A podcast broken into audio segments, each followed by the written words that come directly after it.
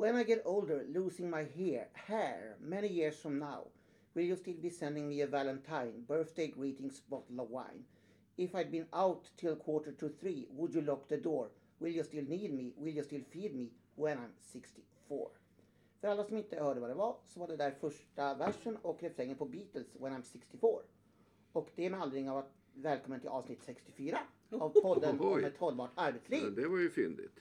Och de som tycker att jag är fyndig heter Barbro Skoglund. Okej, Skoglund. French Management i Sverige och den som var fyndig som citerade Beatles här i början är jag, poddens programledare Johan E. Skoglund. Jag har en fråga. Har även poddens programledare som tillika är musikrecensent koll på när When I'm 64 med Beatles kom? Det har jag inte men den kom någon gång under 60-talet, det ja, vet jag. det, det vet Jag har inte och koll på jag. vilket år. Nej, jag skulle tippa att det är mellan 60, 1965 och 1970. Jag tycker inte det var relevant. Jag tänkte Nej, innan men- ska jag ta reda på det men jag tänkte jag gör inte det. Det räcker med att vi... Det var synd att du inte tog reda på det Nej. tycker jag. Men men nu, nu är det här ingen musikpodd så vi ska inte... Eller vill, Nej, vill men det- herrskapet säga något mer om Beatles och When I'm 64? Nej, Nej. Jo, jo, alltså det är så här att förutom att Mhm. det var s- eh, s- eh, vi har gjort, det här är podd nummer 64 som, som var, var fyndigt, så är det ändå så här att den här låten handlar ju om vi, hur, hur, när jag är 64, det vill säga en ung, Mhm. eh, i det här fallet eh, Beatles-medlem, en ung man, Mm. frågar det till sin käresta. Will you still need me? Will you still feed me when I'm 64?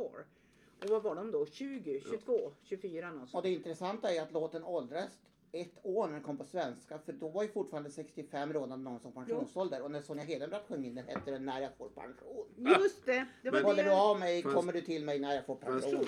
Med tanke på hälsoutveckling kanske det borde heta When I'm 84. Men Ja. det var en annan historia. Vi kommer ju lite till precis. Det är det. så att det svenska dansbandet Barbados har nyligen spelat in en låt som heter 85 som handlar om kommer du att ta hand om mig när jag är 85 år. Mm. Ja, minsann. det finns den utvecklingen. En händelse som ser ut som en tanke. Rådberg och Rankarna spelade ju in Du kan alltid lita på pojkarna över 35 och när han sjöng den 20 år senare spelade Du kan alltid lita på pojkarna över 55. Ja, Jag tror det här exakt. blev en musikpodd i alla Ja, I fall. alla fall åtminstone ingången för Ja. den var ju mer lysande än, Ja, än vad du hade tänkt dig. Ja men jag säger väl så här, jag tycker det är mer intressant om jag ska vara 100% ärlig, våra lyssnare, och diskutera Beatles låttexter än att prata om Riksrevisionens rapport om bristyrken. Men det är den som Barbro sitter med. Eller här, inte bristyrken i sig själv utan det handlar om regeringens insatser för att riktade utbildningsinsatser för att, för att minska bristen i bristyrken om jag säger så. ja, precis. Och de kom ju med en... För det är ju ingen brist på bristyrken. Nej det är det verkligen inte. Senast i veckan kunde jag att de behövde 700 kyrkomusiker. Mhm. Vilket jag tycker är intressant som jobbar en del med Svenska kyrkan i min roll som frilansjournalist. Men det var en annan femma. Eh, det här med bristyrken som ingång är ju faktiskt, har ju blivit en del i din omvärldsbevakningsuppdrag. Eh, uppdrag. Det har vi pratat om hela tiden ja. ja. Dagens bristyrke Ja. brukar du mejla om. Häromdagen var det lastbilschaufförer och som sagt var kyrkomusiker. Mm. Och lastbilschaufförerna de har funnits med sedan vi började med det här för 22-23 år sedan. Mm. Eh, och, det, och det hämmar tillväxt och det, alltså inte bara lastbilschaufförer utan detta med brist på kompetent arbetskraft. Man kan säga så här att det har varit gen, det genomgående temat. Vi har levererat ett uppdrag idag. Mm. Och Kai kommer att komma in på det till en kommun, en primärkommun kopplat till eh, deras hälso och sjukvårdsenhet. Mm. Och kompetensförsörjningsfrågan har varit högaktuell i den, i den Mm. redovisningen. Men nå, vad, regeringen har då alltså lagt ut ett uppdrag till universitet och högskolor. Det är arbetskraftstid inom flera samhällsviktiga yrkesgrupper. Och då har regeringen försökt att motverka den här bristen genom att ge universitet och högskolor i uppdrag att öka volymerna på vissa bristyrkesutbildningar. Alltså Fram- flera platser alltså. Flera platser och det är det som vi måste utbilda fler. Det, har, det är ju det Mm. mantra vi har hört sedan vi började Mm. med kompetensförsörjningsfrågan för 20, ja, ungefär 20 Mm. år sedan. Men vill dessa brister Ja, kan man fylla platserna. Nu, först innan dess, innan nu eh, frilansjournalisten hugger på på nästa fråga så säger jag, vad här gäller det då? Jo, det gäller vårdutbildningar och det gäller alla sorters utbildningar inom vård. Lärar och förskoleutbildningar samt ingenjörsutbildningar. Och det här betyder då att det visar sig att det är liksom inte deras slutsats, alltså Riksrevisionens slutsats, är att det inte har bidragit till någon avsevärd ökning av högskoleutbildade inom bristyrkena. De uppsatta, uppsatta utbyggnadsmålen har inte ens uppnåtts till hälften. Och varför det då? Ja, därför att folk inte söker sig till dem. Mm. Eh, det är faktiskt så att man, man för ett resonemang till det här. Jag ska hoppa sen till vad, vad det är som granskningen resulterar i, sagt vi- vilka rekommendationer Riksrevisionen ger. Men det som är eh, det, det som har är varit ett av problemen, det är alltså ett eh, problemet eh, där det primära problemet till för få examinerade inte är ett otillräckligt utbildningsutbud från lärosätenas sida utan för få sökande. Mm. Ett begränsat utbud av platser för verksamhetsförlagd utbildning eller brist på disputerade lärare. Mm. Och då är vi tillbaka till Ännu ett bristyrke, disputerade disputerade lärare. lärare inom de här, vård, Mm, mm, mm. de här olika utbildningsområdena.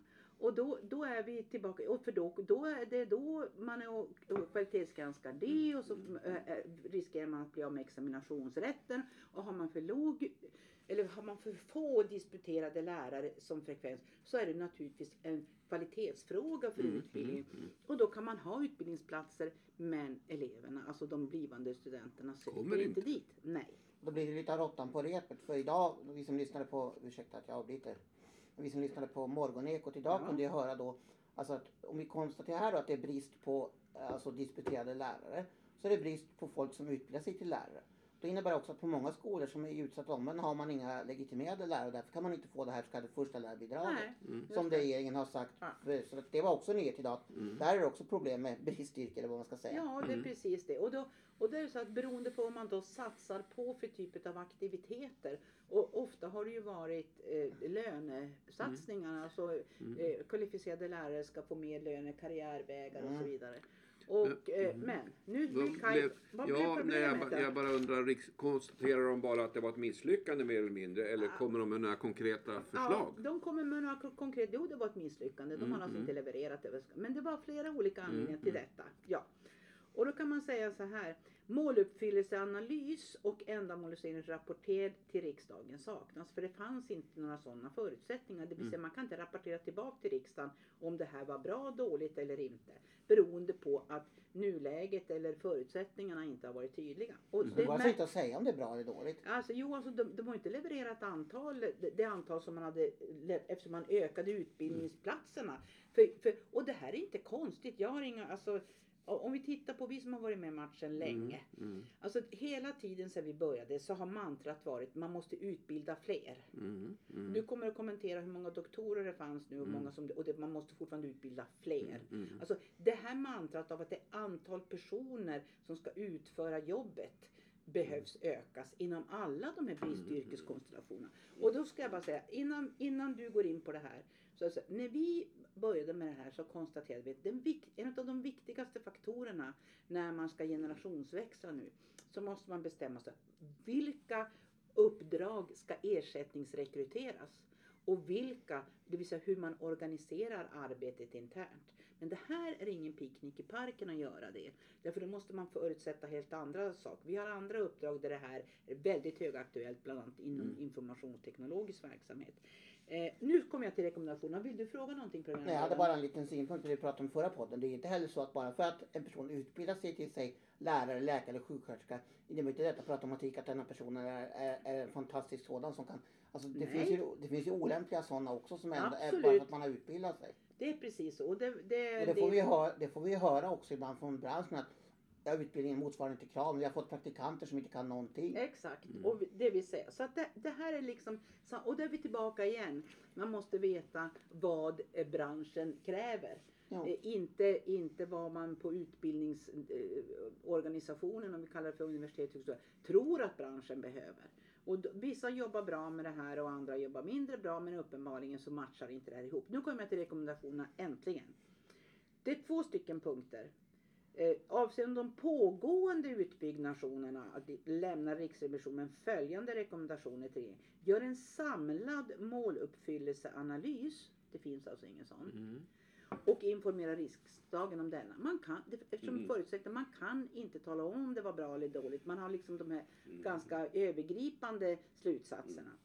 Och nummer två. Förtydliga utbyggnadsuppdragen riktat mot samhällsbyggnad. Alltså den Mm. viktiga funktionen. Det är på ingenjörssidan, alltså Mm. samhällsbyggarna förmodar jag. Eh, förtydliga då det uppdraget. Och det betyder att det var ett otydligt uppdrag. Men sen så, kommer, så säger man så här, det, det är vad som pågår nu, de är ju inte färdiga. Eh, om regeringen i framtiden skulle överväga ge nya liknande riktade utbyggnadsuppdrag ger Riksrevisionen följande rekommendationer till regeringen. Man ska utforma de här utbyggnadsuppdragen med bättre hänsyn till de förhållanden som kan påverka lärosätenas möjligheter att genomföra uppdraget. Mm. Alltså man måste anpassa det här Mm. så att det kan bli verkstad helt enkelt utav Mm. det här.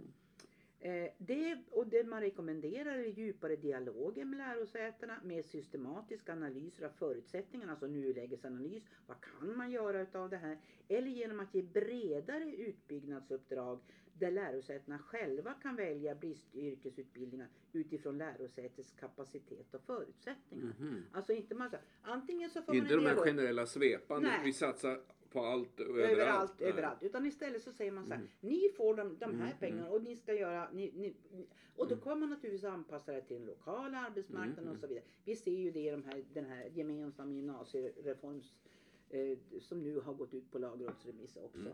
Ja, du har en fråga till, jag har två punkter kvar. Ja, ni hade två kommentarer, men vi tar dem, du får ta dina två punkter först, Okej. de två kommentarerna Kaj får Det man säger då som, som den eh, andra punkten i det här om de ska fortsätta eller göra nya sådana här. De här utbyggnadsuppdragen ska, det är intressant, ska ha tidsramar. Mhm. Det betyder att de här pågående har inte tidsramar. Som ger lärosätena utrymme att planera och förbereda för genomförande av uppdrag med hög kvalitet. Det vill säga pengarna kommer och ni ska dra igång fort förmodligen. För att det här kräver ju en planering av rang för att man ska kunna få det att funka. Mm. Bland annat kopplat till det här med praktikdelar. Det här är alltså vårdyrkena man måste, och, och så vidare. Det, och läraryrkena. Mm. Eh, och samhällsbyggnadsyrkena på ingenjörssidan. Och så sista punkten. Överväg. Det andra har de liksom, men det här är ett övervägande som man lämnat till regeringen. Att utbyggnadsuppdragen i dem anger mål för antal examina för att uppmana lärosätena att i större utsträckning fokusera på genomströmning av examination. De har alltså inte, Mm. man tar in men de kommer inte ut. Nej. Mm. Jag Och- kommer ut men inte Men- med rätt kompetens. Inte med rätt kompetens Nej, eller nej. den examina som krävs för att arbeta inom det här. Mm. Jag menar lärarsidan är ju legitimationen som, Mm, som, mm, som mm. ska eh, Mm. finnas med i botten. Och på vårdsidan likadant. Eh, det, var, det var det hela. Mm. Mm. Hade du någon kommentar innan jag en två saker jag ville säga. Mm. För det första säger jag att det skulle bli väldigt intressant för att det är ju så, precis som om man gör en revisionsrapport om en kommun, så är regeringen skyldig att svara. Mm. Mhm. Så regeringen genom utbildningsdepartementet och ytterst då utbildningsminister, eller det, det här är väl snarare minister för forskning och högre utbildning. Matilda Ernkrans, om inte det här går in under arbetsmarknadsdepartementet och eh, Kanske Eva. Nordmark, ska i alla fall svara inom ett visst datum så att de måste komma med en officiell regeringsskrivelse som läggs ut och det kommer jag naturligtvis att bevaka. Bra, det gillar vi. Sen vill jag bara ta en annan sak. För några år sedan så var det så att eh, jag hade inte så mycket att göra på jobbet en dag så jag så min kära kollega här Barbro frågade om jag ville följa med henne på en liten bilresa genom Norrbotten. Det sa jag, det gör jag gärna för att hon hade nämligen ett uppdrag som gjorde att hon behövde besöka något som heter Utbildning Nord Mm. uppe i Övertorneå. Japp.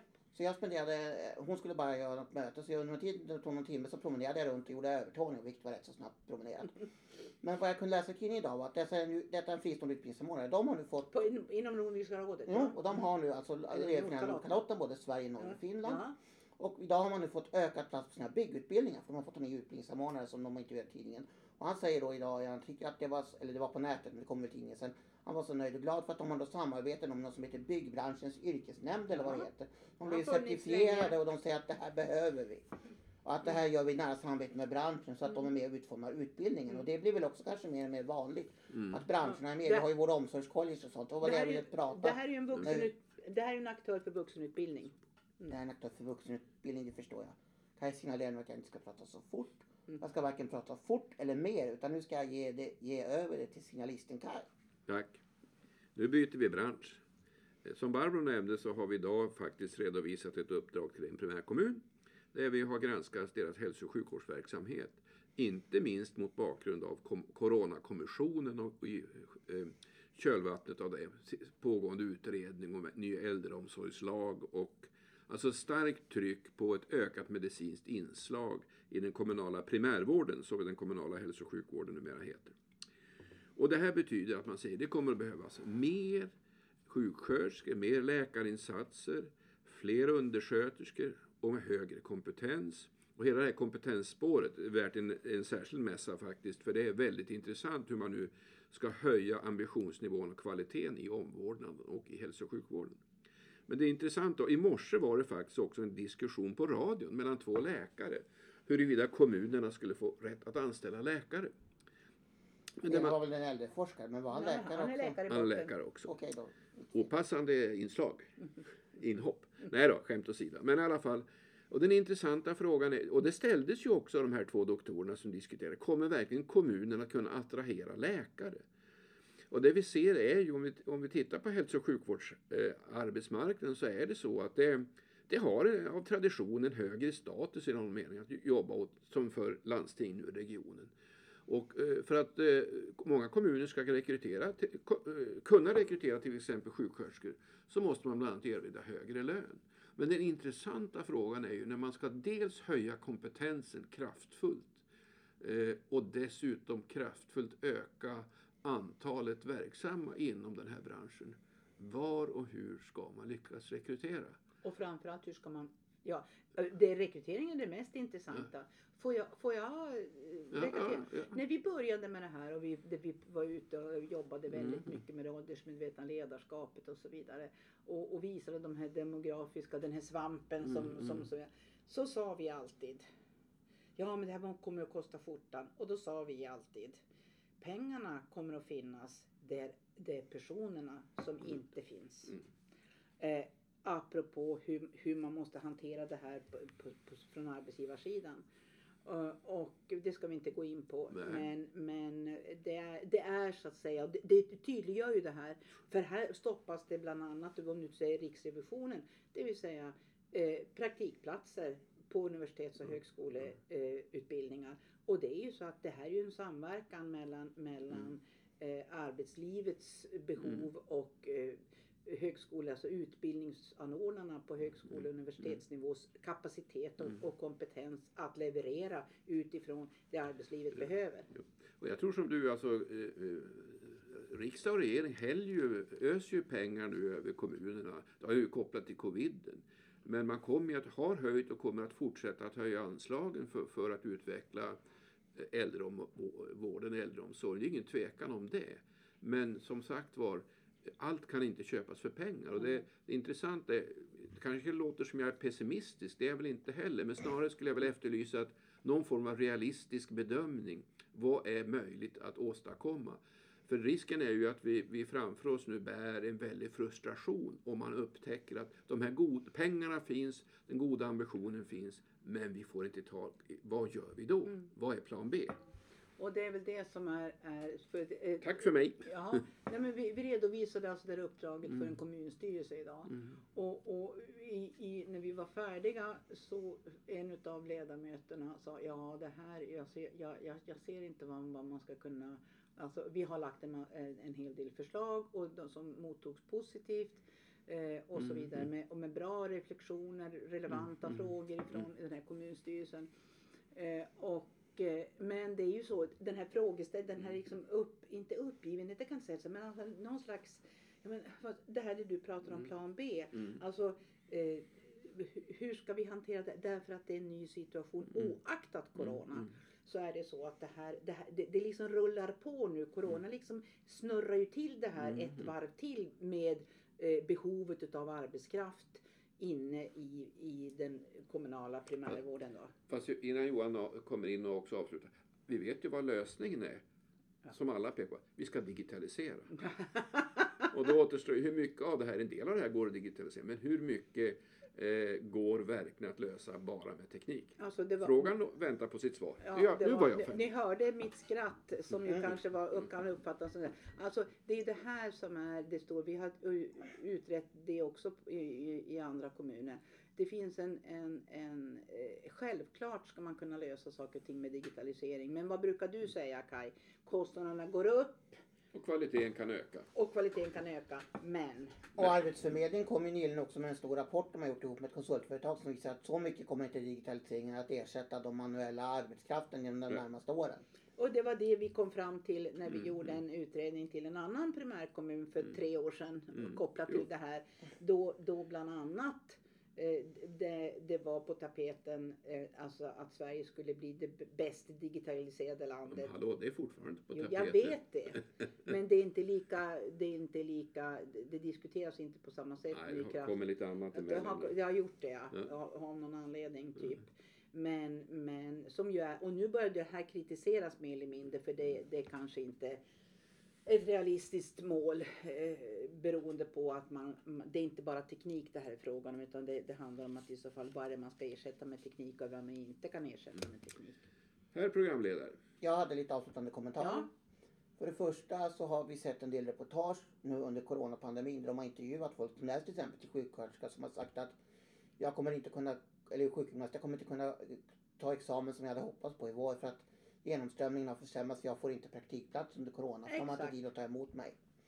Och sen nummer två, det, det, den debatt som vi refererade till tidigare idag i P1 Morgon om, att, om de där två läkarna, bara ändå också var äldreforskare, den härrör sig från att det en timme tidigare sändes ett reportage där en reporter hade intervjuat representanter av vår politiska talesperson. Och det handlade om att det fanns en majoritet för riksdags, av riksdagspartierna som vill att man ska ha kommunala läkare. Och då vill jag bara säga som van politisk kunnig att det är inte varken första eller sista gången som politikerna genomför något mot experternas bättre vetande. Det händer rätt så ofta. Så om det finns en politisk majoritet i riksdagen som vill ha kommunala läkare tror inte jag de bryr sig särskilt mycket om hur man ska lösa det. De kommer bara att bestämma att det ska, vara, ska finnas den möjligheten. Sen vet jag inte om det blir en tvingande lag eller om det är upp till kommunerna att välja själv om man vill ha det eller inte. Det är en annan femma. Men det. var mina avslutande kommentarer. Ja, Ja, och då, med det säger vi då säger vi det. Så säger vi tack och hej och så säger vi att nästa, nästa podd blir 65 då podden fyller pension. Men den kommer ju fortsätta även efter 65 Ja, Vi har ju en flexibel poddpensionsålder i det här Det landet, vi eller hur? det här landet. Så att Ja. vi ser fram emot ett podd nummer 65. Och så Ja. säger vi tack och hej! Tack och hej! Tack och hej.